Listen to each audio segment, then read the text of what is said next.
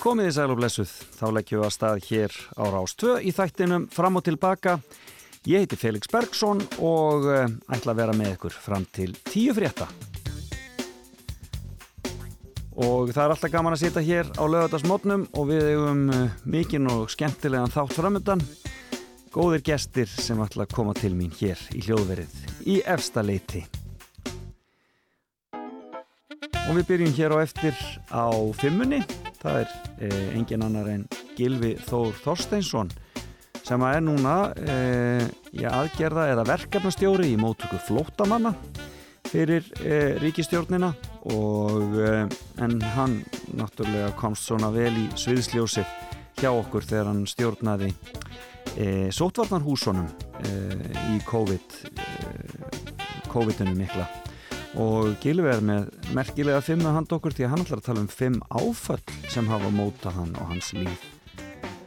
Og, uh, og tala kannski aðeins um það hvernig áföll uh, já, geta hreinlega verið til góðs eða svona ítt manni í aðra átt en maður held að maður væri að fara. Hann ætlar að ræða þetta hér á eftir. Og svo ætla ég aðeins að gefa Rökku Gísla tíma Eh, tónleikarnir hennar stóru standa fyrir dyrum í hörpu verðan 1. oktober og ég ákvaði að fara aðeins aðra leið að þessu og uh, fá uh, mikinn aðdáanda hennar til að koma og rappa við mig. Hún heitir Aldís Fjóla Áskeirstóttir, tónlistarkona á Borgafyrði Eistri og uh, er sjálf mikið í viðburðum og öðru slíku og fylgist mjög vel í íslensku tónlistasenni og er gríðalugur aðdáandi Rökku Gísla. Við ætlum aðeins að tala um áhrifin sem Rökka hefur haft á allt og alla á íslensku tónlistasenninu.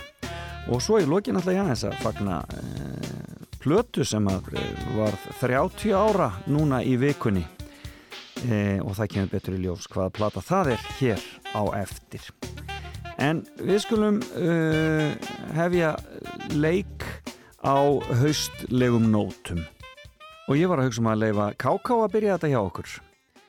Þá kom haustið, heitir lægið hans. Og þetta er úr leikriti sem var sett upp í borgarleikusinu og hétt einfallega Fjölskyldan. Uh, frábær síning sem að það sem Margret Helga Jóhannsdóttir fór á kostum. Og uh, eitt af þessum frábæru lögum sem að hafa komið út úr góðum leiksýningum í gegnum tíðina Hétt er K.K. Þá kom haustið. Þá haustið leið með lita dýr Söngur vorsins liðin tíð.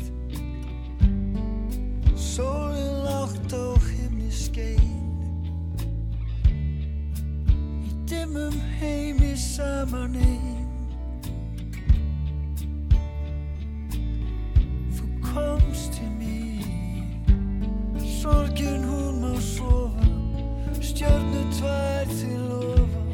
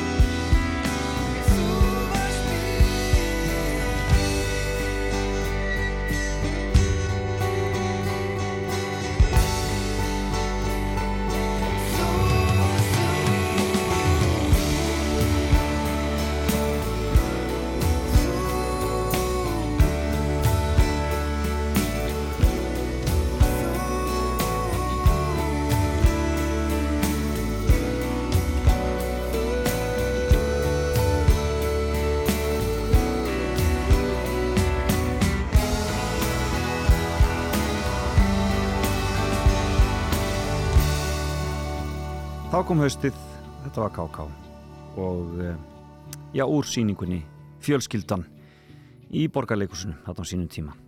En uh, það fyrir að líða því að Gilvið Þór Þorsteinsson sittist hérna hjá mér og farið með okkur í gegnum fimmuna sína en eigum ekki að heyra eitt nýtt og gott hér, gott rock skrifaði í skíin, hérna er Guðmundur Rappkjell Gíslason. Má ég mála heiminn í stað þess að fljúa Segja þér til sinna en segja þér satt Viltu heyra sannleik eða á ég að ljúa Manstu lítinn dreng sem ljóka Hann rassar og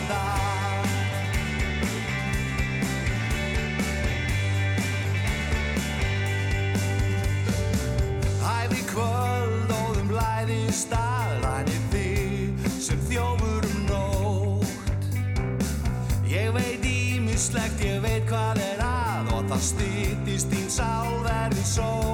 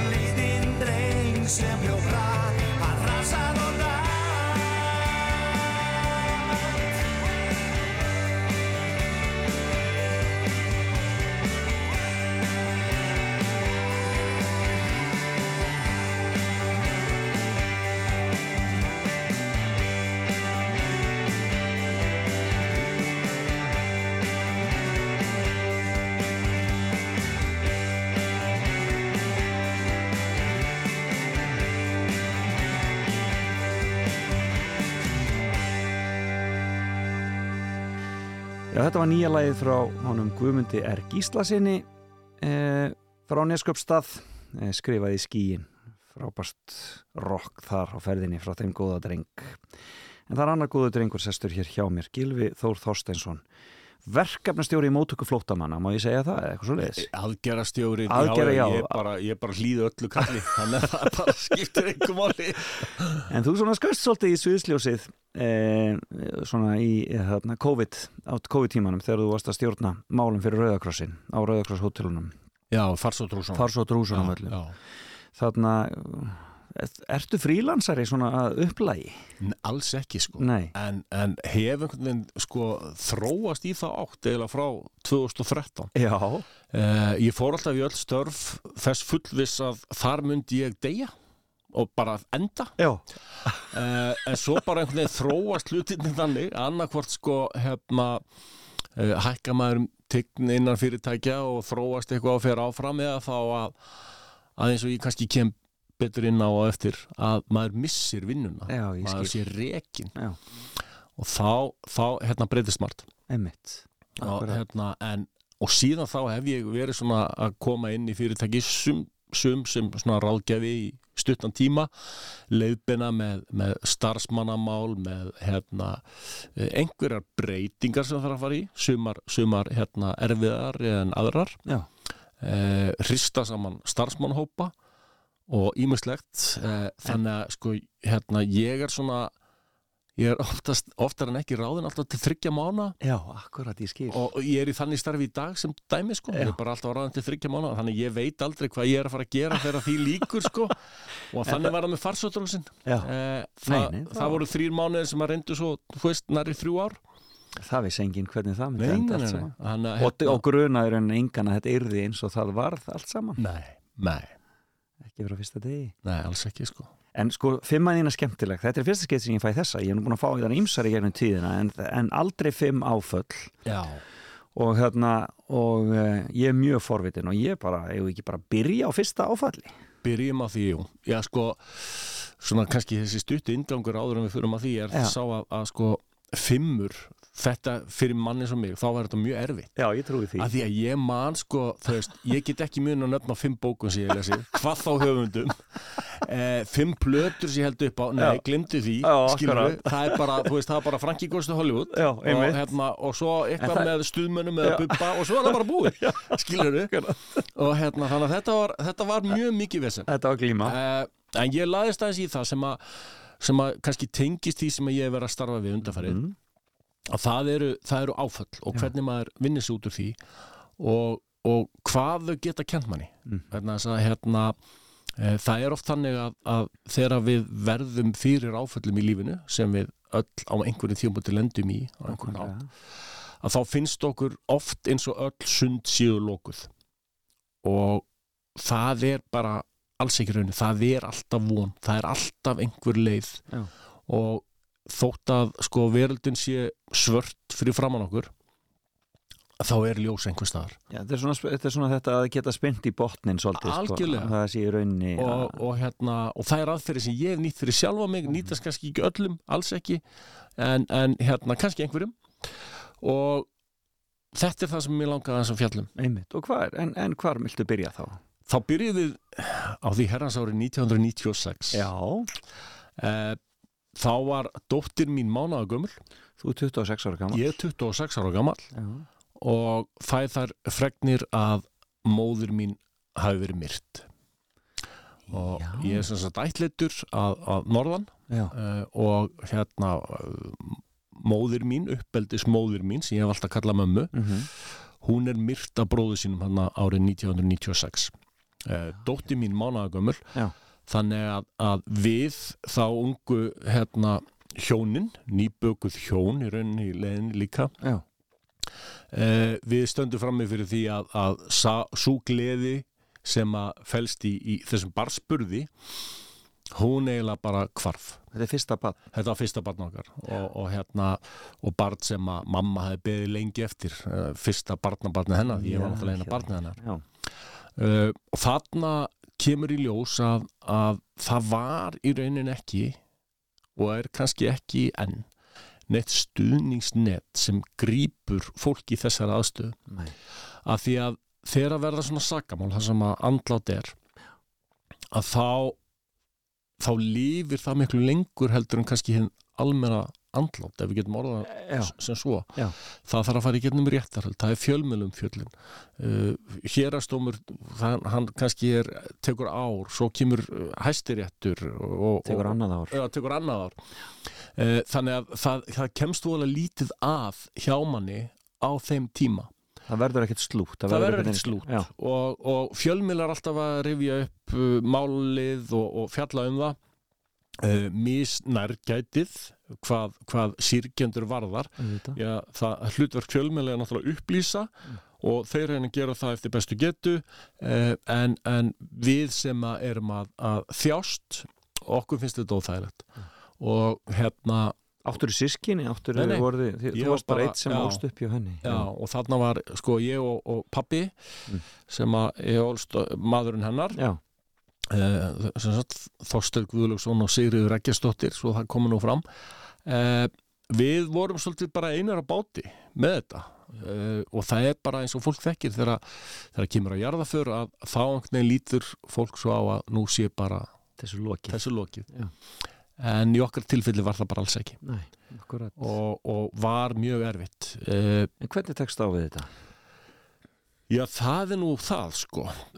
Ég notaði svolítið húmor þarna. Uh, sko, auðvitað hérna, átti ég svolítið erfitt fyrst og Já. mjög erfitt. En, en fór svo að átta mig á því að með húmornum að þá svona lifnaði yfir ekki bara mér og, og pappa heldur, heldur líka þávarandi konunni minni Já. og þessu litla barni og, og húmorinn kom jafnvel í gegnum hana Já. líka og, og eins líka bara að reyna að líta svo á að, að sko þau áfæll sem við verðum fyrir uh, er ekki endanleg og þau, þau er ekki þannig að við þurfum að vera mert af þeim síðan og svo. Já, heldur erum við frekar mert af þeim viðbröðum sem við sínum í nákvæmlega. uh, árið setna 1997 og þá eru komin að liðnum og tvö Já, þá fæðist sonur minn. Já, uh, 12 vikum fyrir tíman Úff. uh, vart hugað líf og konan mín þáverandi Já. uh, ekki heldur, henni er vart hugað líf heldur uh, og þarna gerist það að, að á spítalanum að þá er ég eiginlega hlaupandi á milli uh, konar minnar sem Mhm. að liggur fárveik mhm, og sonar mín sem að er annar staðar í húsinu fárveikur einmitt. Og ég veit ekkert hvað er að gerast uh, Hvar, og var þetta hér í Reykjavík? Já, á já, já. Já, bara borgarspítalunum? Já, þetta var bara hérna á já. og, og hérna sko, það er frábært starfsfólk læknar, hjúkurunarfólk sem, að- gerðu allt sem í þeirra valdi stóð til þess að til þess að huga að þeim en það var svo sem enginn á meðan að spurja mig Nei, og, og eðlilega Mhm. þú veist, þau voru náttúrulega í forgrunni eh, en þú veist, enn verandi í því áfalli sem maður var óneittalega í að þá einhvern veginn reyndi maður að býta enn fastar á jakslinn og halda áfram eh, og hlaupa á milli. Já. og eina sem að kona mín hafði var lítil pólóraut mynd af sín okkar sem að hérna, ein, eitt hjúkurnafræðingurinn hafi tekið af honum bara svo hún hefði eitthvað hún fekk ekki að sjá hann. Uh, og ég var svona að reyna að, að hérna afla frétta hvað var að gerast með hann hvað var að gerast með hana Mhm. og, og um leið náttúrulega að reyna að hugsa um dóttur okkar Akkurat. áskömlu Áskamla á þessum tíma. já. Akkurat, einmitt, já, já. Eh, og þetta svona reyndi mjög á og, og, og aftur rændi svolítið fæðingu Og, gleð, og gleðinni. gleðinni já. sko. Hvað gekk þetta, en hvernig, hvernig hvað gekk þetta lengi, eh, hvað tók þetta langa tíma? þetta tók nú svolítið langa tíma hann, hann þurfti að vera lengi á, á spítranum uh, hann var tólmerkur við fæðingu þrátt fyrir að hafa fæðist þetta mikið fyrir tíman Já, en það voru engin lungu tilbúin í raun þegar hann fæðist akkurat. þannig að hann fær þarna ákveðna sprautu sem að gefin er sem að flýtir því ferli að, að, hérna, að lungum verið til en á meðan þá sitjum við bara á, á í rauninni sikvarum stólnum og með vöggun á, á mill okkar eftir að konum hafa búin að jafna sig Já. inn á fyrirbúradeildinni og ásamt öðrum fóreldrum með mjög veik börn og, og sum hver komust aldrei lifandi þaðan út Nei, Því miður. Mm. en okkar sonur hann, hann plummaði sig og plummar sig vel í dag og Já. ber þess ekki merki að hann sé akkurat. síður en svo. En, afsakið, en þetta svona hérna síndi manni líka að, að oft er það sko nákomin aðili sem þó á ekki beina aðild eins og í þessu tilfelli sem glemist Já, akkurat. og þetta svona satt svolítið í mér að, að svona, ok, ég ætla að muna það að hérna, ef þetta svona kemur upp á hjá einhverjum í framtíðinni, þá ætla ég aðeins að, að huga að pappanum líka, Já. spyrja hvernig hann hafi það, akkurat en svo hef ég nú eflaust glimt því sjálfur líka, það er ekki það Einmitt. Nú, allt tengist þetta á einhvern nátt því sem að maður síðan fer að gera í dag Já. og Hvað varstu búin að læra þarna á þessum tíma? Hvar, já, Varstu- þessu nei, ég bara þegar þú ert 27 ára gamall, hvað varstu búin að varstu? ég, þarna er ég sko hérna, uh, sko þegar mamma deyr hérna 96 þá er ég að vinna á viðskiptablaðinu Ok, var einn af þeim sem að, sem að hérna uh, í hérna barstrú minni held að, að hérna við vissum allt og kunnum allt og gætum allt. Hann að við stopnum þennan fjölmiðil eða, hann var nýstopnar þegar ég kem þar að. Já. og hann er nú ennþá eh, lifandi í dag. Já, já, eh, ég var að vinna í útvarpi líka og stöð sem hérna já. sem að hérna eh, ég vil nú enn meina sér besta útvarstöð sem upphefur verið.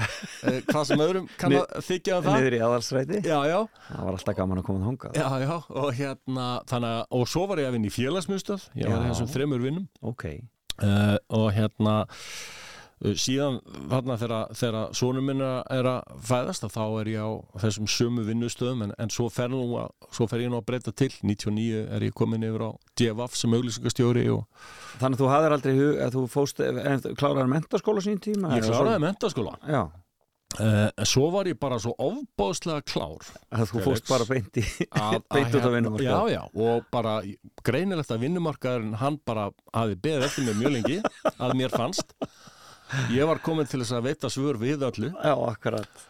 Og lengi vel og í mörg ár held ég og satt best að segja var nokkuð viss um það að ég hefði bara svörvöld og væri eftirsóttur starfskraftur allstaðar Og snýrir hjólum efnæðarslýsins. algjörlega, en það kom nú annað í ljós síðar. En hvar, hvar, en, en hvar varstu í mentaskóla til dæmis? ég var í mennskólanum við Sund. Já, já, já. ég hérna ólst sko upp í Fossvöðunum fór í Fossvóðskóla, svo í Réttó. Og, Og þá svo í var bara Sund. beinast við að fara í mentaskólanum Sund sem var var bara neðar í brekkunni sko. Já, öflugt starf þar og, og, og mikið fjör. að mjög mikið fjör sko og hérna ég og, og Böðvar Bergson vinnu minn hérna Bötti Bergs Já.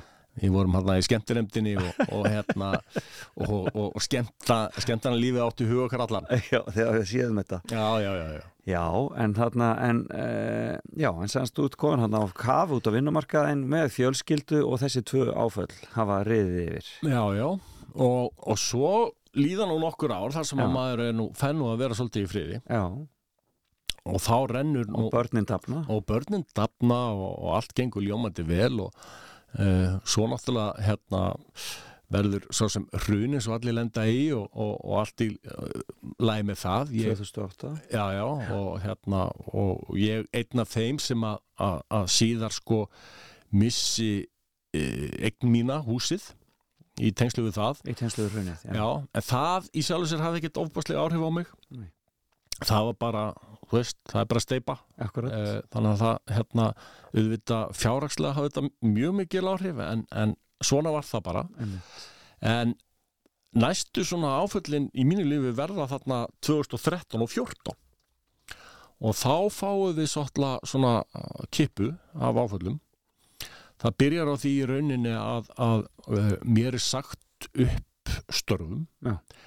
Uh, fyrirvaralust Mm -hmm. í, í starfi sem að ég var samfærum um að ég erði í til að æfa loka Já, starfa? þá, þá er ég að starfa á morgunblæðinu Já, ég hefði verið auglýsinga og svo markastjóri í Mokkans og, og, og hérna e, í mörg ár frá Mhm. 2005 e, og þarna var ég tekin við sem frangvættastjóri mbl.is já, alveg rétt.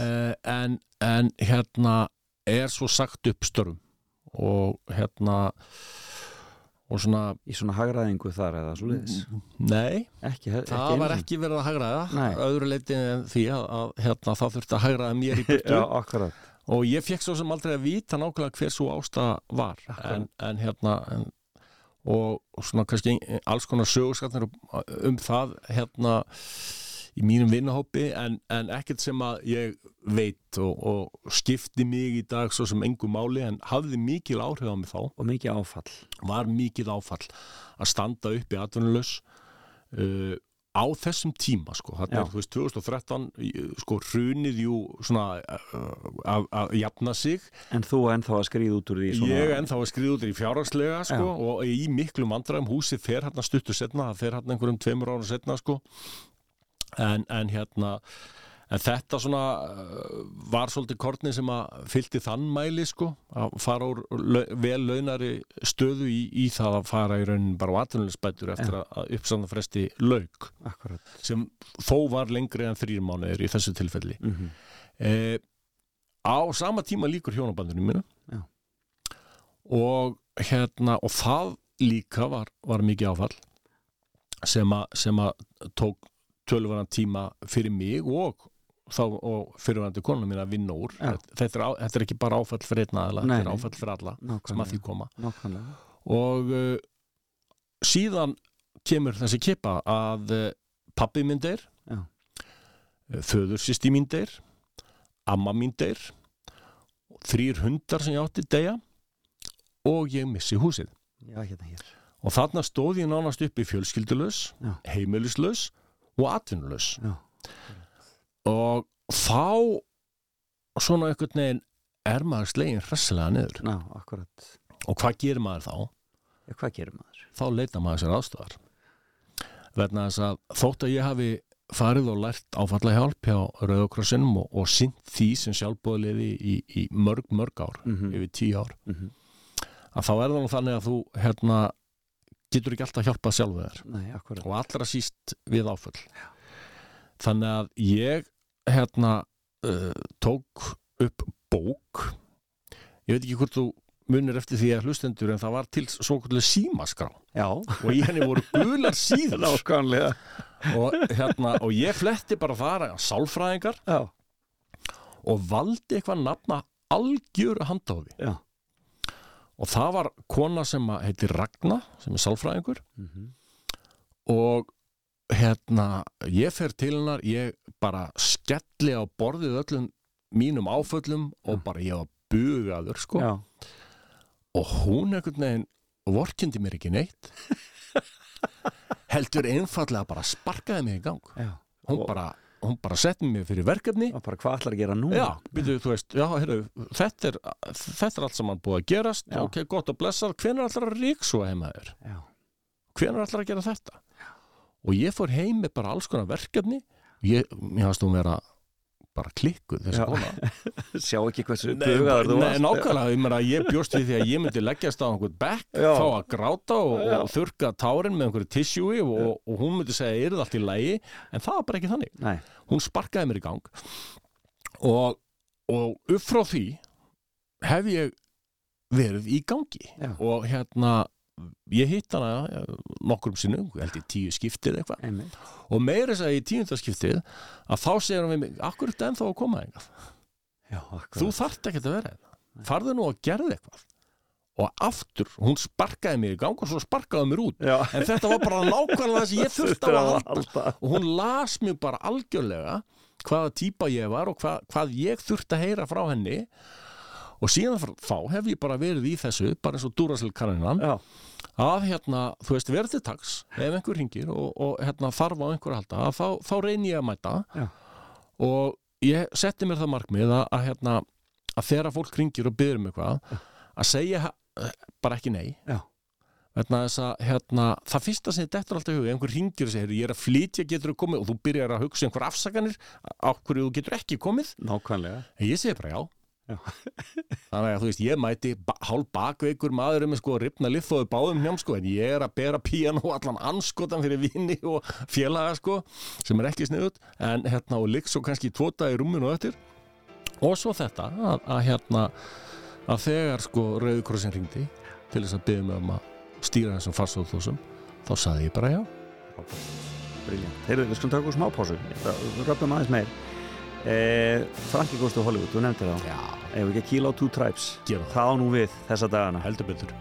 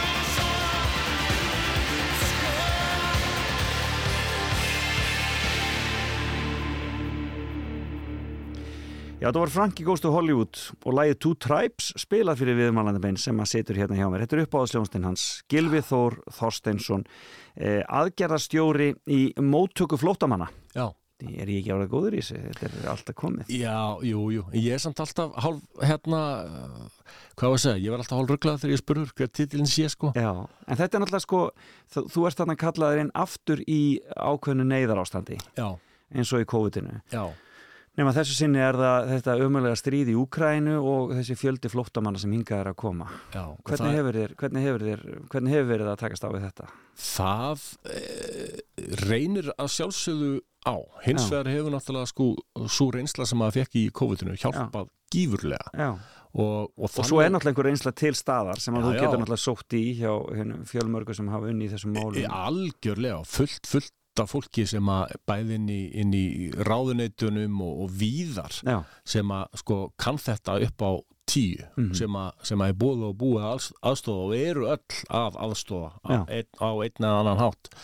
En það er sko kannski gaman að segja frá því þegar ég tek þetta starf að mér mhm, að það var svolítið eins og með, með hérna, farsótrúsin já, að þetta gerist á lögardi óvænt að hérna þegar ég tekum með farsótrúsin og það ringdi mig og ég beðin um það þá var ég á leiðinu út að djamma um kvöldið með, með vinum mínum sem ég þurfti að, að, hérna, að slaufa já ég var, ég er aðeins Já, upptekinn í var aðeins upptekinn og, og svo gerist það í rauninni að hérna tveimur og hálfu ára setna Já. þá loksis er komið að því að fara aftur út með þessum já. og þá í mig Já. og núna er það frá, frá forsættist ráðunetinu Já. Og ég spurði hvort ég geti verið með þeim á, á fundi það sé hérna ráðunetistjóra fundur hvort ég geti verið með þeim á þessum fundi út af, út af þessu ástandi sem að er að skapast í Úkrænu og, og ég segi bara já við því eins og, Mhm, eins og alltaf. Og hérna eins og sálfræðingur sagði, bara segja já, Já, já. og gera það bara, já, já. Það þarf að gera. hættu svo volið já, og gerðu hlutina. Og hérna e, og það er þegar fundurinn byrjar á voru Teams að þá er ég kynnturinn sem nýr starfsmæður líðveldisins í þessum málaflokki og það var ekkert búið að ganga frá einu þú en einu, ekki hugmynd um ný, ný, það? ný, ég hefði ekki hugmyndu það og ekki, þú veist, og var enn að sinna farsóttarhúsunum sko. Já, hérna hér. Uh, en það náttúrulega kom fljótlega í ljós sko á, á fundurum að það var ekki búið að ganga frá málum og svona Já, og, og, en, en hérna og það er bara gert strax eftir fundin Já.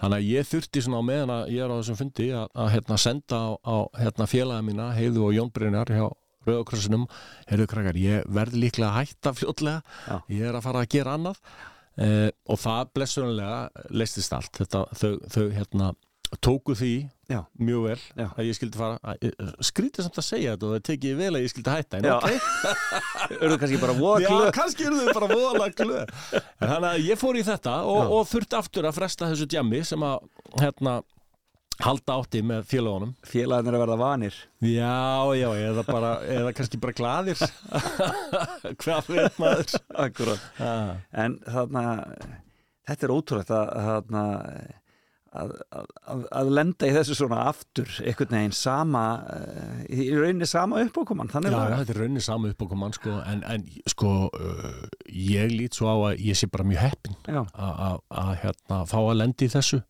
og fá að vinna við þetta er það ekki líka bara, er það ekki í rauninni um, sko ákveðið svona búst fyrir ego eða þú veist að fólk líti á það, það, það, það geti leita til þín á þannig máta og þú sérst Jó, og þú sért maður til að taka svona áskorun Jú, kannski, en sko það hefur aldrei skort neitt upp á egoð hjá Já. mér og það er kannski ástæði fyrir því og ástæðin fyrir því er, er, er hérna svo að sko ég náttúrulega ólst upp einn Mhm.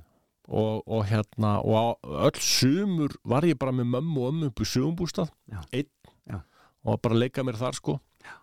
Og, og hérna og pappi sagði einhvern tímann við mig sko uh, þegar ég var bara barn að hann segir einhvern veginn þú skalt ekki búast við því í lífinu að, að fólk sé að, að íta undir þig að þú sért hérna, fáir eitthvað upp í hendurnar. Þú verður að berjast fyrir þínu og hérna myndu það að þótt að dramp sé falli næst að þá þarf þú sjálfur að hafa trú á sjálfur Já, þetta var, og þetta er gott vega næstu Þetta er mjög gott veganesti. Uh, og síðan þá hef ég bara hérna, verið minn helsti peppari. Uh, sumum finnst það kannski full mikið á stundum en það er bara það sem ég þarf að gera til þess að takast á við það sem ég er að vinna við hverju sinni En sko, veist, við töluðum um áföll hérna áður, en ég meina að það að vera, að alast ekki upp hjá blóðfóruldrum sínum, ég meina, er það ekki í, í rauninni fyrsta áfallið, eða hvað? Nei, alls ekki nefnilega Þú upplýðið það aldrei. Nei, Hvað varstu ekki, þegar þú sko. ferð til, til fóstur? uh, Ég bara, fóstur, það er bara strax við fæðingu strax við fæðingu, já. uh, og um leið ég kennst til vits og ára þá er mér bara sagt það að ég hafi verið ætlættur og, Já. Og ég kynnist þessari uh, blóðmóður minni í rauninni bara strax. Og hún bjó Akureyri. Já, ok. þannig, að, þannig að ef að við vorum að fara til Akureyri þá heimsóttum við hana alltaf. Og, og ég man nú ekki hvort ég myndist á það þarna áðan en, en hún er líka eina af þeim sem deyr þarna þetta hryllingsár 2013-14 Já, þá deyr hún deyja. líka. Þá dóu bara allir í kringum mig. Og hérna uh, Þannig að þið áttuð einhvað, eitthvað samfélag eða eitthvað samskipti já, já, við áttum, við áttum góð samskipti sko, Og átti hún aðra fjölskyldu þar? Já, hún, sko, hún, á, hún átti, hún er náttúrulega látin, eins og ég segi, hún átti Já. þrjú börn sem að hérna, ég er unni kynnist svona upp úr þrítugu, þegar ég er um þrítugt. Þau eru öll tölvört eldri en ég og ef þau eru að hlusta á þetta þá verða þau örugglega mjög reið mér að, segja það að þau séu öll mikið eldri en þau eru það. en það er bara eins og það er. Og, hérna, og þau eru meira þess að það eldri en ég sko að, þau þrjú þau, þau vildu öll fá að ætlaða mig sko á sínum Já, tíma sko, ég þau voru að koma á aldur til þess í rauninni sko. skil, já. En, en hérna, kannski sem betur fyrir bæði fyrir þau og mig, þá var það ekki vegna þess að ég fekk æðist gengið uppeldi og er mjög þakklátur fyrir það, sérstaklega vegna þess að ég fekk svo hérna svona opið uppeldi að þýldum til að það var aldrei verið að fela þessa hluti. Ég var ætleitur Mhm. eh, fordómar voru eitthvað sem að, sem að eh, ég átt að fordæma og ég man sem dæmi að, að hérna uh, sko þegar ég er kannski 7-8 ára 77-8 að, að þá heyri ég fyrst orðið hommi Já. og það var sem sagt bróðir vinkonum ömmu sem var hommi og ég spurði hvað það væri og það var útskipt þannig fyrir mér að, að þetta var aldrei neitt tiltökum mál í mínu lífi Já. hvort að fólk væri sko samkynnegt eða ekki Já. Uh, síðan þegar ég er úlingur á þarna 80s árunum þegar þegar samkynnið menn sérstaklega átti í, átti í miklum erfileikum bara með að fá viðurkenningu á, á sjálfum sér að þá stóð ég alltaf þeirra megin. Uh, og kannski líka það að, og það var kannski hluti af mínum rebel að elska hljómsveitina Franki Kosti Hollywood Já, þar sem að tveir aðal frontmennendir voru samkynniði og og eru. svona líka eru. og, og, og fór ekki í neinar felur með nei, það. nei, nei, nei, og það var kannski það sem ég komist næst því að vera einhver pöngari það var, það það þarna alltaf sko. með einhverjum hommum frá Liverpool. Já, en, en sko notabenni þeir, þeir eru allir vinni mínir á Facebook og, já, og, eins Já, já, og ég hef spjallað við það og, og líst yfir átóðun minni Já. og, og allt saman sko. Ekkert farið í Það með það miklu sko. snillingar. Já, já, já, miklu snillingar, já, áhugavert. Og þannig að það, já, þannig að það, það, það hefur þannig að þú hefur aldrei litið á það sem, sem áfall í lífiðinu að, að komast að því að þú væri ættleitur síður en svo bara, en hvað með, hvað með uh, fólki í kringum þig, það hefur ekkert verið stríðin í skólanum eða svoleiðis út af því? Nei, alls ekki. Og, og ég hef aldrei fundið sko hérna eins og til dæmis innan, innan fjölskyldu pappa, hann áttur nú stóra fjölskyldu. Já. Aldrei fundið fyrir því að það væri litið eitthvað öðru sem mig, Heldur en eh, en hinn börnin þar eða eitthvað Mhm. slíkt sko, aldrei Mhm. nokkuð tíman uh, en hérna þannig að sko í rauninni átti ég bara tvær mömmur Já. og mér fannst skrítið að það væri ekki þannig með alla já, akkurat skilur þannig leit ég á það sko já. og það er kannski svolítið í mínu karakter sko. ég sé svolítið jákvæðu hliðarnar á málunum og, og það kannski nýtist mér svolítið í þessum störfum sem ég hef valist til að þegar allt virðist vera í klessu að þá er ég oftar en ekki bara rólegur og Já. sé kannski hérna lausnir sem að e, aðrir sjá ekki e, ég sé ekki vandamál Mhm. af því að ég lít svo á að vandamál séu bara mál sem þarf að vanda sig við þetta Mhm. sé ekki eitthvað sem stoppar mann og svo kannski líka það að, að mér finnst oft betra að segja fyrir gefðu heldur en má ég. Þannig að ég rík bara að stáð og geri það sem ég tel vera best. Já. og sem betur hef ég komst upp með það. Já, já, svona er þetta. Var eitthvað tímabil í COVID-tímanu sem þú hugsaði bara, nei nú get ég ekki meir. Var eitthvað, eitthvað, eitthvað, eitthvað tímapunktur þar sem þú bara já, já, já, já ég menna að það var sko fyrstu þrjá mánuðin þá fór ég ekki heim til minn, ég bjó á hótelinu sem að, já. Og, Og náttúrulega líka náttúrulega, í nálægð við sjúkdóminn. Alltaf, allan daga, alltaf. Þannig að uh, þú hefur kannski ekki heldur viljað fara heim. Kannski bara einfall út af því. það upphálega var það út af því. Já. Og hérna og svo var það líka bara þannig að, að sko þessa fyrstu þrjá mánu þá hafði ég bara sjálfbóðlega mér til aðstóðar frábæra sjálfbóðlega nótabenni frá nákvæmlega. Rauðakrossun Uh, og þetta hefði aldrei verið hægt án þeirra. En, en að því að það voru alltaf sjálfbóðlegar og voru að koma nýtt fólk þá þurfti ég alltaf að vera á staðnum til þess að kenna og fræða og, og leiðbina uh, þannig að ég svo sem gæti ekki farið heim. En ykkur tókst að komast í gegnum þetta án þess að fólk sem að var að vinna á hótelunum síktist já, já, í vinnunni. Hvernig, hvernig, hvernig er það? Það er bara vegna þess að við fórum eftir ítrustu uh, kröfum um sótvarnir og, og hérna ég var mjög harður hvað það var Akkurat. ég gekk lengra en, en sko landsbítalinn á tíðanbili Já. uh, og sérstaklega eftir að fóru að koma upp smitt þar uh, þá gekk ég bara lengra og, og þetta vakti nú reyndar aðtegli bara víða um heim hvernig við stýrðum þessum húsum. Já. Uh, og hérna og ég get nú kannski skotið hér að það að ég held að það sé núna í janúar sem að verður verða frumsýttir tíu þættir hér á rúf okay. heimilda, heimildamyndi um COVID sem það sem að, það sem að hérna, kvimtökumenn fylgdu meðal annars þríekinu og Já. fleirum bara eh, frá fyrsta degi ná, og bara nánast í 2,5 ár, 3 ár það verður mjög þannig að þetta er mjög áhugavert og, og hef nú séð- mikilvæg, mikilvæg Já, þetta bara og þannig eru hlutir sem að ég held að, að hérna e, fólk hafi bara gott að því að sjá. Þannig að þannig verið að taka ákvarðanir þegar að, að hérna, fáir vita í raun hvað þetta þýðir annað en það þetta er lífsættilegu sjúkdómur. Já. og það er allir að gera sitt besta. E, þetta er ekkit vola margir sem að voru inn í þessu upphæfi þóttu auðvitað hafi fleiri komið þar inn.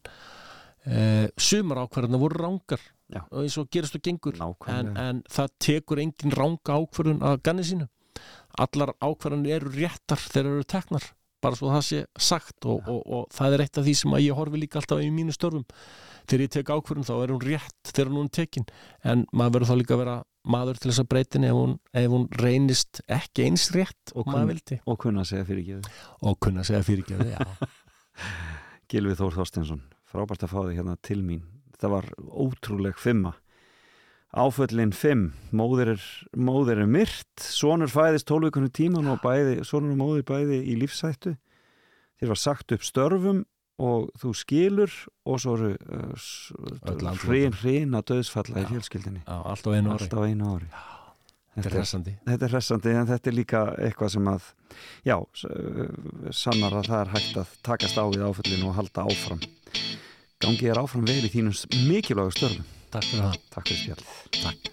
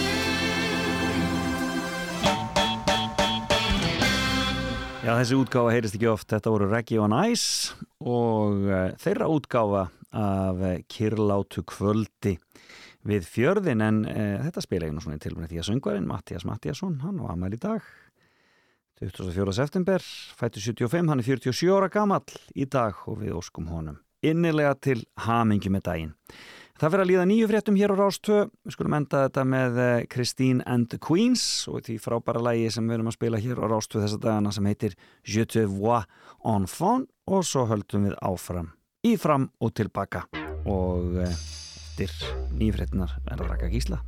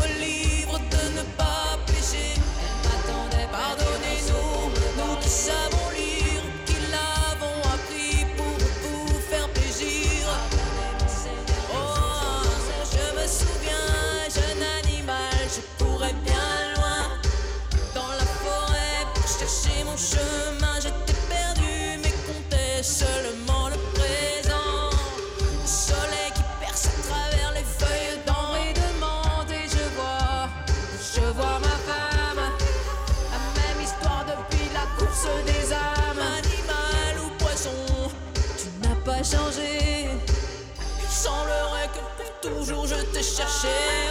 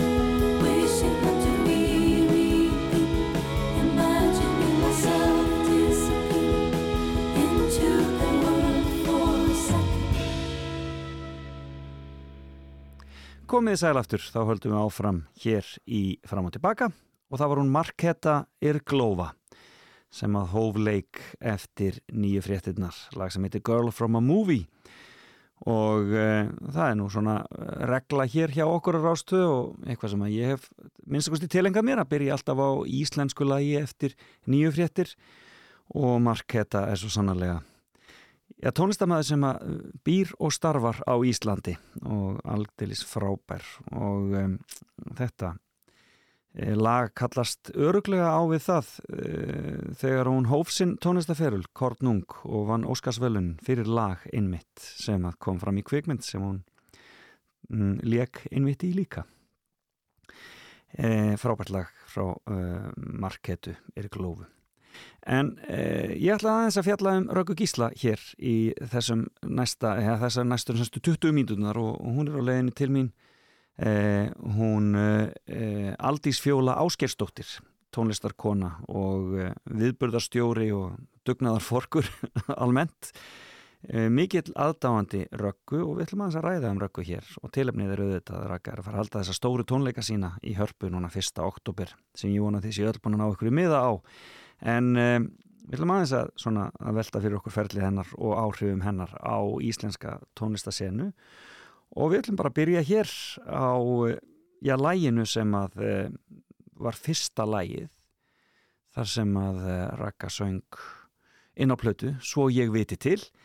Uh, þarna heyrðu við ég inn í fyrsta sinn þetta voru á vísnaplötunni og lægið er auðvitað Nú blánar yfir Berjamó. Og svo byrjum við Aldís Fjóla að rappa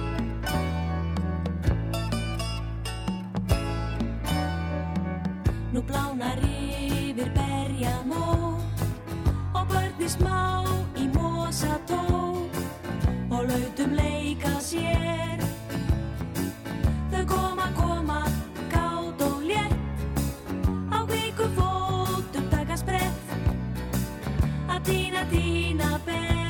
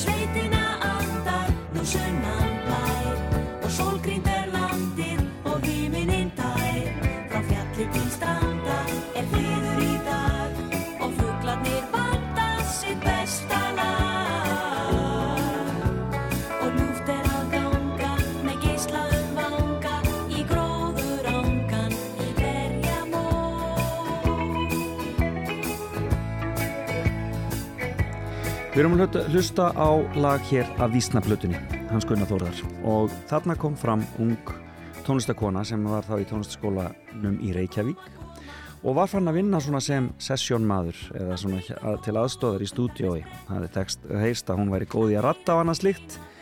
Og hún var fenginn til að vera með og uh, var fljótlega komin í fremstu röð. Og þetta er fyrsta lagið sem svona heyrðist almennilega með henni. Þarna árið 1977 e, og þetta er lag eftir Gunnar Þórðar og heitir Blánar yfir Berjamó og þetta er auðvitað Ragnhildur Gísladóttir. Og e, svona í tilefna því að hún er að fara að halda sína fyrstu stóru tónleika undir eigin nafni e, fyrsta oktober núna í Hörpu þá hef ég fengið góðan gest hér til mín í fram og tilbaka og ég er svona hóiði þegar eru stóri tónleikar Aldís Fjóla áskistóttir síðast var það Bræðslan og núna er það Raka Gísla. Já, það er bara heiður að koma og tala um tónleika. Akkurat, gaman að fá þig eins og alltaf. Þarna, e, þú ert, þú sagði bara, þú gegst við því strax að þú væri super, röggu superfan, þú væri bara aðdáandi.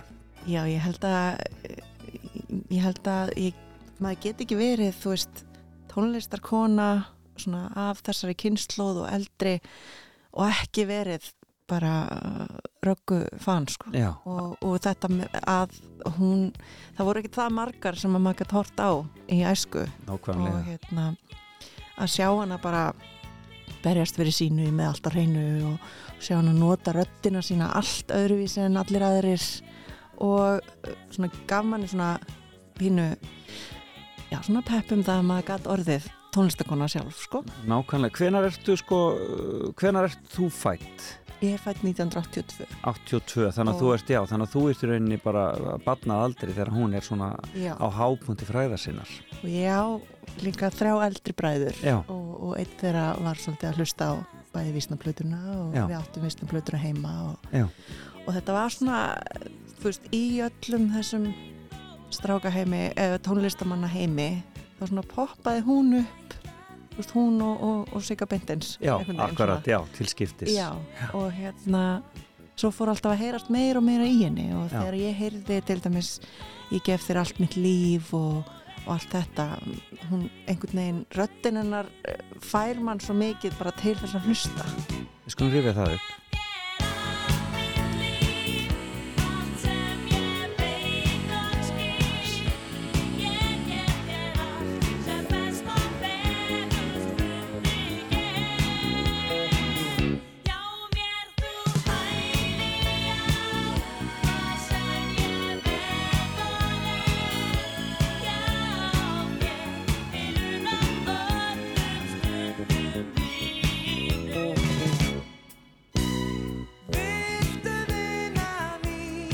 Ég gef þér allt mitt líf þarna með Björgunni Halldórsson og þetta er frá uh, já, einhver tímanni á bylunu, ég held hvort þetta er 78 sem að þetta er að koma út. Og, og það er þetta tímabil þarna frá því að, að hún byrjar og þannig að þú fæðist þess að frá 77 til 82, 83 er hérna algjörlega makalust tímabil það er alveg ótrúlegt og, og ég held að fólk átti sig ekki á því hvað hún er í mörgum lögum frá þessu verkefni, sko, það, það voru náttúrulega vísnaflötunar, síðan eru lummurnar. Mm. það er brunaliðið sem verður síðan sko bara sko svo risa, risa stórt. Og þar fer nú músikinn hennar að heyrast líka Já, fyrst eins og landslag sem er æðislegt lag og er kannski gaman að heyra hér á eftir. Eh, eh, og svo glámur og skrámur það er síðan HLH-flokkurinn hann og Rittar í götunar og svo þessi sóloverkefni hann með Björgvin. Já, og svo koma grílunar svo koma grill Já, með þess að píla pína með að hérna inn á milli líka 1980, þetta er í rauninni það, það var ekki plata með kvennarsrödd Nei. sem að koma út án þess að hún væri á, þinn, á henni sko. svo næstum því Já, en hún uh, talar um það að grílundar hafi verið nöðsynleg svona sjálfstæðis yfirlýsing já, af hennar hálfu. Upplifið þú grílundar þannig? já, algjörlega og, og þetta var einhvern veginn svo töff að horfa á þetta. Það, það var svo gott að fá inn kljónsveit sem þú gast hort á og bara, heyrðu, það eru bara stelpur og það er allir bara að gera þetta. Þú veist, það var ekkert, það var engin efi það var ekkert eitthvað, já en hvað heldur að öðrum finnist um okkur eitthvað, þeir bara gerði þetta. Já, að vísu náttúrulega í einhverju brjálæðiskasti. Nákvæmlega. En það er stundum það sem þarf sko. En það, sko, en, en eins og ég segi það, það ná- það, þú náttúrulega kannski vakna til vitundur um þetta miklu síðar, en leiðir kannski tíu ár síðan grílarnir voru til, en þær eru samt ennþá svona stór, stór áhrifavaldur. algjörlega og enn þann dag í dag Já, eru þær eh, svona þegar fólk horfir á mig alltaf hreinu og þetta er bara svo ótrúlega góð saga um, þú veist, það var ekkert verið að eitthvað bara átt að kynja hana svona mm e, á þessum tíma Nei. en eins og bara líka eins og ég sagði áðan að þú veist að hlusta á röddina hennar já, í sko öllu mismunandi lögunum. Og það sem greip mig náttúrulega alltaf mest var hana Valur og já. sem ég veit ekki ennþá af hverju það heiti það af því það kemur ekki fram í nei, en þá, þá er þetta svo hún bara hefur svo mikið power upp á sviði og hún, hún öskrar svo mikið í bara myndinni og bara er bara svolítið svona já, ef maður sletti meira með svona rebel Já, það er sko lit á sig sem pöngara. Það vildu vera pöng, algjörlega grílunar. Það kunna ekki að þeirra byrja. Það eru alveg, sko, það eru eiginlega, já, sérstaklega ekki linda trómari. Þannig að það eru eiginlega svona gott dæmi um, hérna, það er ekki, það er, það er, það er, það er ekki spurning hvað þú getur, heldur hvað þú gerir, hérna, Björg Spilniks, hérna. Já, og, það, og, og það er mitt, þú veist, er það sem að vantaði svo mikið líka að, þú veist, ég meina, allir strákar fóru og byggur til bílskúsbönd, þeir kunni ekki neitt þegar þeir byrjuðu, Akkurat. en, en stelpur einhvern veginn voru tilbaka og þurftu að læra og þurftu svona að koma sér einhvern veginn öðruvísi inn, Já, en þarna fegstu bara í heilli kvikmynd, bara, heyrðu, við kunnum ekki neitt, gerum þetta bara samt. og maður fekk alveg bara svona, já, rifjum, rifjum grílunar í, með allt á hreinu. Þegar hann er til svæðis þá fíla ég mig alveg sjúklega vel. Ég finn kikkið. Með hann og allt verður æðislega hefi. Ég reyna að fríka út en ég meika það ekki því hann er svo meiri háttar.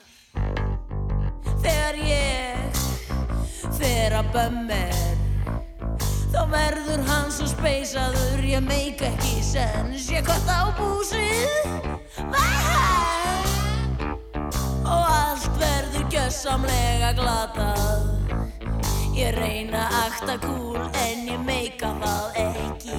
Því hann er svo meiri háttar. Hvað er að ske? Hvað er að ske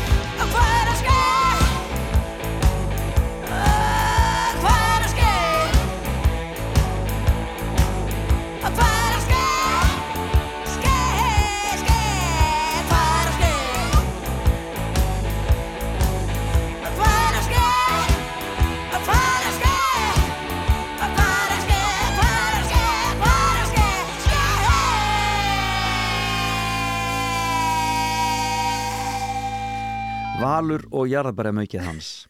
Þetta er æðislegt. Og ég menna en en það sko að því þú varst að tala um sko að strákarnir mega strákarnir mega reyka sig á og ég meina bara í Rocky Reykjavík sér maður hvert bandafætur öðru sem eru mjög illa spilandi en eru bara að gera og það er það sem er svo sérmændi við það. Þá voru grílunar að gera slíktið sama en þær fenguðu bara svakalega vond að dóma og voru bara í rauninni settar mjög niður fyrir hvað þeir væri illa spilandi.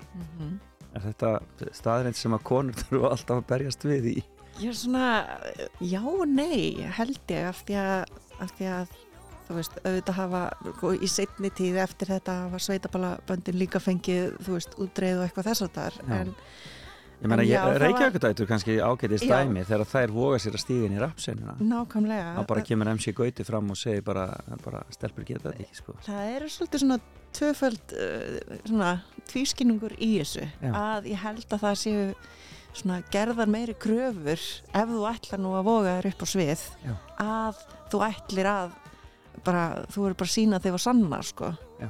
og einmitt eins og þú varst að tala um hérna Rocky Reykjavík þá það var bara, þetta er náttúrulega orðið svo mikið nostalgía og bara þú veist, það er allir ennþá að hugsa um Rocky Reykjavík og eitthvað þess að þar en, en það er engin að hugsa um einmitt bara, mannstu hvað gríldan voru vel spilandi eða Já. þú veist en, en ég held að sko, lögin þeirra hafi verið svo mikið með stelpum sem að voru þarna. Já. en það voru náttúrulega ekki stelpur sem voru kannski að gaggrina heldur. Nei, nákvæmlega.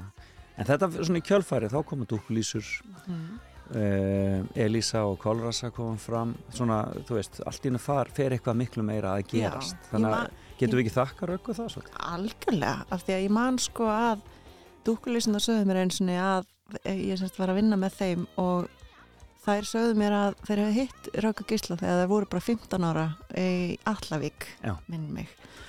Og þá voru þær að spila og Raka einhvern veginn fór til og voru bara eitthvað, veist, já, flott og bara gerði þetta. Og þær bara 15, 16, 17 ára bara, heyrði já, ok. Já. og bara gerðu sína fyrstu plötu. Þannig að þetta, þetta þarf stundum bara þarf stundum bara að fá svona smá pepp og smá svona frá einhverju sem þú lítur upp til eða eitthvað þess að þar. Mm bara þetta er ekkert mál. Akkurat, og þá finnur þú leiðina sko. Þannig að það er rosa margt að þakka bæði bara, bara þeim öllum í grílunum og sérstaklega röggu Já. að hafa svona haldið áfram og rutt leiðina og, og sínt bara að það er hægt að veist, það er hægt að gera allt ef maður bara tekur sér til og Nákvæmlega. brýst fram En grílunar gáðust samt upp eftir uh, tæplega þryggjára starf. Voru fannar að gera það ansið hreint gott en þe- þessu líkur hjá þeim. Og rakkastígur inn í stuðmenn uh, og hefur nú talað frekar uh, samt í ákvættum þann tíma þó að það sé svona svolítið á strákana fórsendum en hún á til þess fyllt af músík þar. Er eitthvað sem að átt meira er meira í uppaldi hjá þér þar heldur en annað hjá, hjá stuðmennum Nei, sko það sem að svona ekki stuðmenn en, en ég man bara alltaf þegar hún gefur um út hérna hvað um mig og þig Já, lagið, já, hvað það var hvað maður, hvað maður fann tilfinninguna svona koma í gegn. Akkurat. Og maður skildi kannski ekki textan strax en það var svona það var lag sem ég alveg bara alveg dáðist að sko. Það er, það er Magnús Eiríksson. Já, Og það er sko held ég bara árið sem þú fættist Ég held að sé Já. 1982 sem það er að koma út ég horfði um sko- fyrsta segi, sem ég heyrði já, já. En ég get ekki endur tekið það nóg Þetta er svo ótrúlegt hvað, þú veist, þetta kemur allt þarna Mhm. Draumaprinsinn uh, hérna, hvað er mig og þig og hérna og hérna og svo bara það jafnast ekkert á við jazz er komið 1983, Já. bara rétt eftir að grílunar hættar Mhm. þetta er í raun alveg makalust um, já, rifjum upp aðeins hérna. Uh, er það draumprinsin eða, eða hvað er og þig? Ég myndi segja hvað með þig, Draumaprinsin er náttúrulega uppáhaldið á svo mörgum sko. Já, og hann er ekkert síðri sko en minnst það einhvern veginn dramatíkin í hvað með þig og, og röddin í henni sem að bara svona já hún að flytja þetta tónleikum þannig að það er um að gera rifja það upp.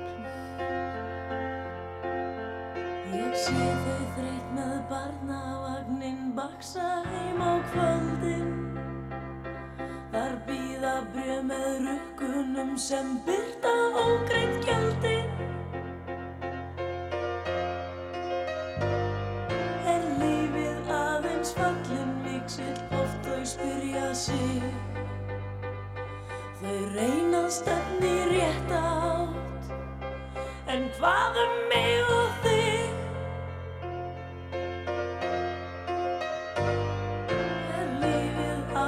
Fallin miksill oft þau spyrja sig. Þau reyna að stefni rétt átt. En hvað um mig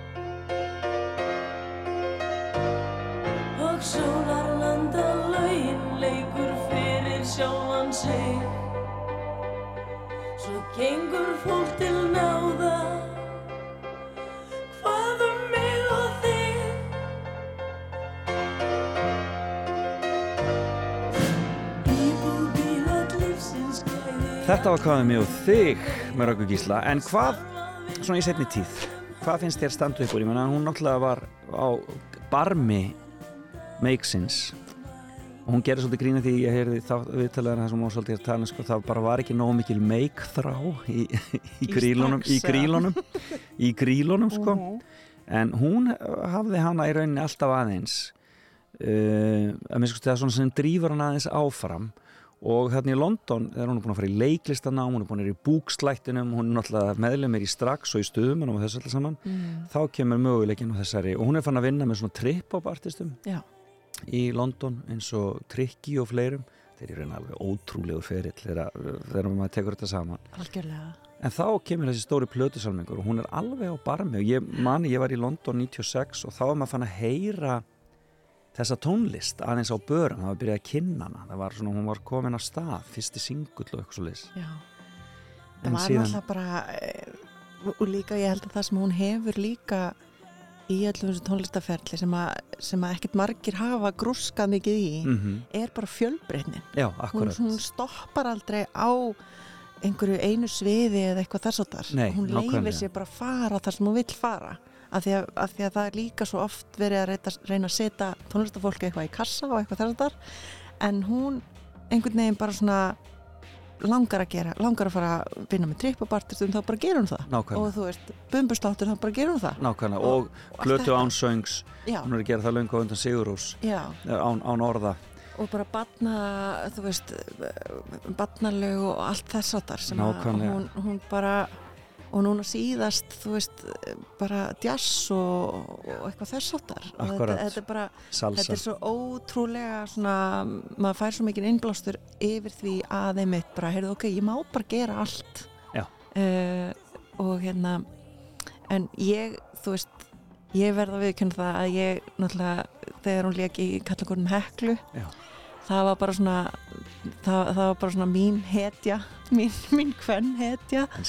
Uh, á tímabili af því að bara sjá hana syngja þar og nota röddina og bara alls konar og stjórna þessum hérna misgáfilega kallahóp er bara eitthvað sem að sko hefur næstu því verið bara hluta lífi mínu síðan þá af því maður sá bara hvað hún svona fraukaðist áfram og, og, og notaði röddina og allt þetta sko. Dásalegt Allar á tónleikana 1. oktober já, ég, já, alveg ákveðin í fara og sjá kellu á sviði. Já, það var sko eins og þú sagðir á þetta er svo magnað að hún sé í fyrsta skipti að halda það er bara með ólíkindum. Ég meina, þú veist allar aðrar söngkonur frá þessum tíma og fyrr og allt eru búin að halda sína tónleika og eitthvað svo leðis hún hefur aldrei stíið einn fram undir sínu nafni sem er svo klikkað af því að hún er svo mikil svona bara góðsögn í lífanda lífi. Og heldur hún áfram að vera hérna, fyrirmynd eh, íslensku tónlistafólki Já, ungu Ég- íslensku tónlistafólki Já, ég held að ég held að það sé ekki, hún náttúrulega yngist bara með hverju árinu þannig að ég veit ekki alveg hvert, að, hvert það er að fara. Akkurat. En, en ég held að hún ég, sko, ég meina með að við hvað sísi hljómar oft út um allt og allt verður brjálað þá held ég að hún sé ekki fara neitt sko, sem, sem svona fyrirmynd. Aldís Fjóla, áskilsmyndir, kæra þakki fyrir að koma og rappa Takk fyrir mig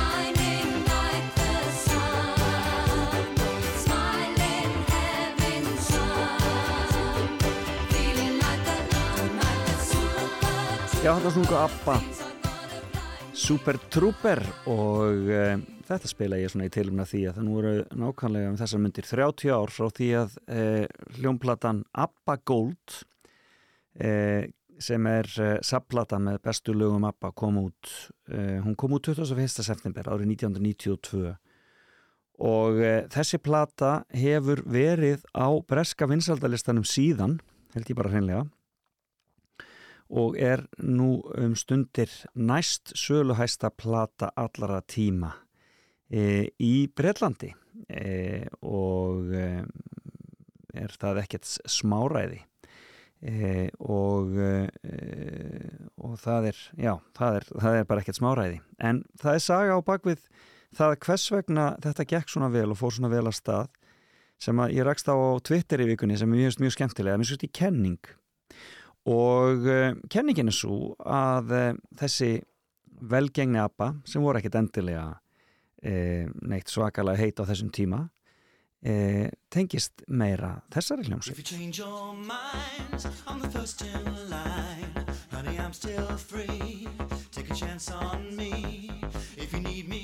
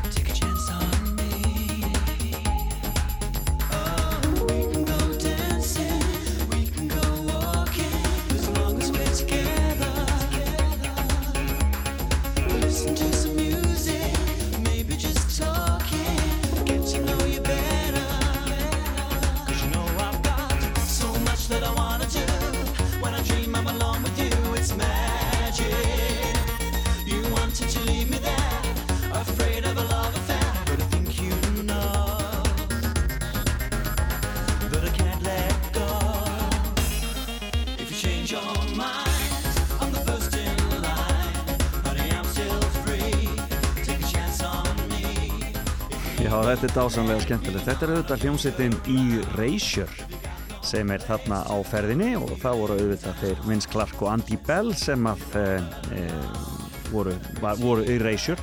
Það var duett og þeir hafði gert það mikið af því að spila ABBA-lög á tónleikum þessi. Þeir voru gríðalega vinsælir þarna á þessum tíma og höfðu verið að spila ABBA-lög á tónleikunum sínum í gegnum árin og e, þeir ætluði að gera heila plötu en endur á því að gera bara fjóralega plötu með ABBA-lögum og um, hún kom þarna í júni 1992 og uh, varð svona líka vinsæl og uh, var selt sem í rauninni uh, já, singull. Þetta var, þetta var lítilplata þetta var EP-plata og fór þar að leiðindi inn á smáskífulista og um, átt eftir að fara til dæmis uh, á toppin uh, í Breitlandi og öðrum, uh, öðrum listum. Gera það gríðarlega gott, var mjög vinsal í Svíþjóð og víða og í rauninni vakti svona svolítið aðtikli aftur á ABBA sem er ákala aðtiklisert og lögin sem þeir settu á þessa plötu voru þetta sem vorum að hlusta á núna Take a Chance on Me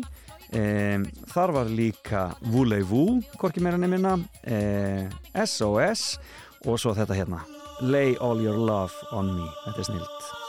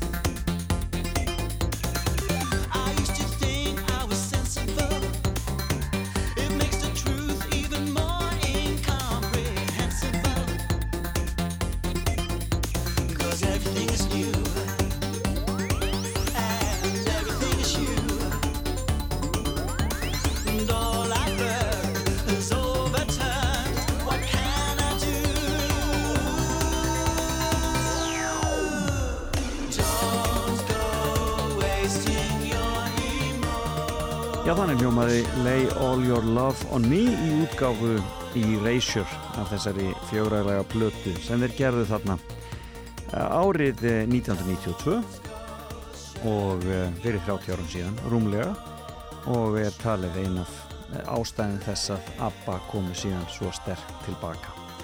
En ABBA Gold, þessi plata, hún hefur verið seld í rúmlega 30 miljónum eintaka og eina platan sem hefur selst meira er, uh, er Queen uh, Best of platan þeirra uh, eða subplatan þeirra.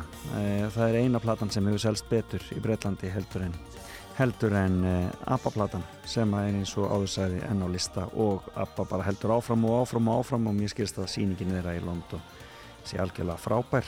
Ef við ekki að enda þetta á einu lagi orginlanum frá ABBA ekki útgáfinni frá Erasure heldur orginal útgáfuna Voulez-Vous eins og ABBA gerði það og eh, líkur þar með þessari umfjöldum um þessa 30 ára gömlu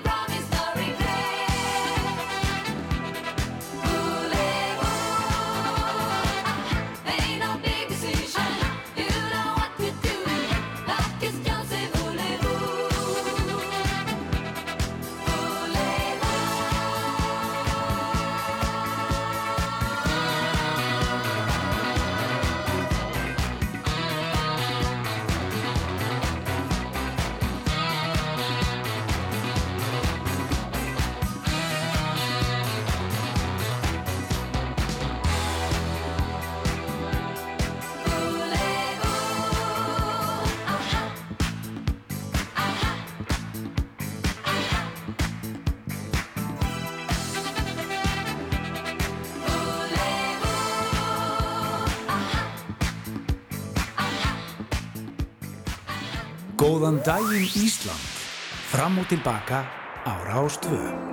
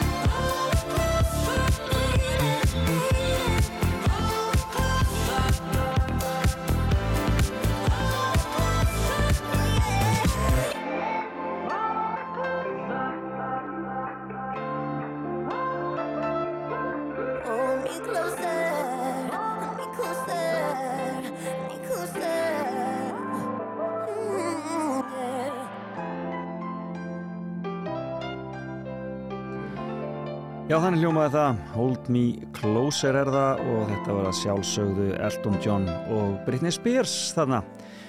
Og Elton John gert á marga dúatana og eitthvað tíðan las ég eh, viðtal við Boy George þar sem hann gerði stólpað grín að félaga sínum og sagði að ef að Elton John fengi tækifæri þá myndi hann taka dúet með klósetrúlu en uh, ja, það held ég að veit myndi nú ekki fara mjög langt en uh, Boy George frægur fyrir að, vera, að geta verið hansi seint íllkvittin en jafnframt mjög fyndin á köflum.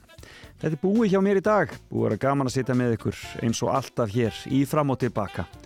Ég vona að þið hafi notið þess jafnvel og ég. Um, Ég verð hér aftur eftir viku. Ég þakka viðmælendum mínum kærlega fyrir uh, skemmtilega heitin Aldís Fjóla Áskeirsdóttir kom hér. Og við vonum bara að tala um uh, saminlegt áhuga mál sem er Ragnhildur Gísladóttir Raka Gísla og um, Aldís Fjóla sem er fætt nokkrum árum eftir að Raka hóf sinn feril. Hefur samt árið fyrir miklum áhrifum á Raka Gísla í sínu tónlistarlífi og í sínu svona tónlistaruppeldi. Mjög skemmtilegt að ræða það allt saman. Við töluðum aðeins um ABBA-plötuna ABBA Gold sem er 30 ára nú um mynd, þessar myndir og e, tengdum hana við ABBA-esk plötu í Reysjör sem kom út sama sumar og ABBA Gold fyrir 30 árum. Og margir segja að hafi verið svona grunnuna því að, að ABBA urðu aftur svona vinsæl. Og svo var hann hjá mér í fimmunni í morgun hann Gilvi Þór Þorsteinsson verkefnastjóri í mótöku flótamanna eða aðgerðarstjóri í mótöku flótamanna en hann sagði okkur að fimm áföllum í lífunu sem að breyttu öllu hjá honum og e, e, það var mjög áhugavert og gaman að fá Gilva Þór hér í heimsókn. En ég segi bara takk fyrir í dag haldið áhrifman hlusta á rástu Salka Sól tekur hér við og þetta rekur sig hvert af öðru hér eins og vennilega hjá okkur á lögatum en e, ég verð aftur hér á mínum stað eftir viku. Takk fyrir í dag og bless bless. No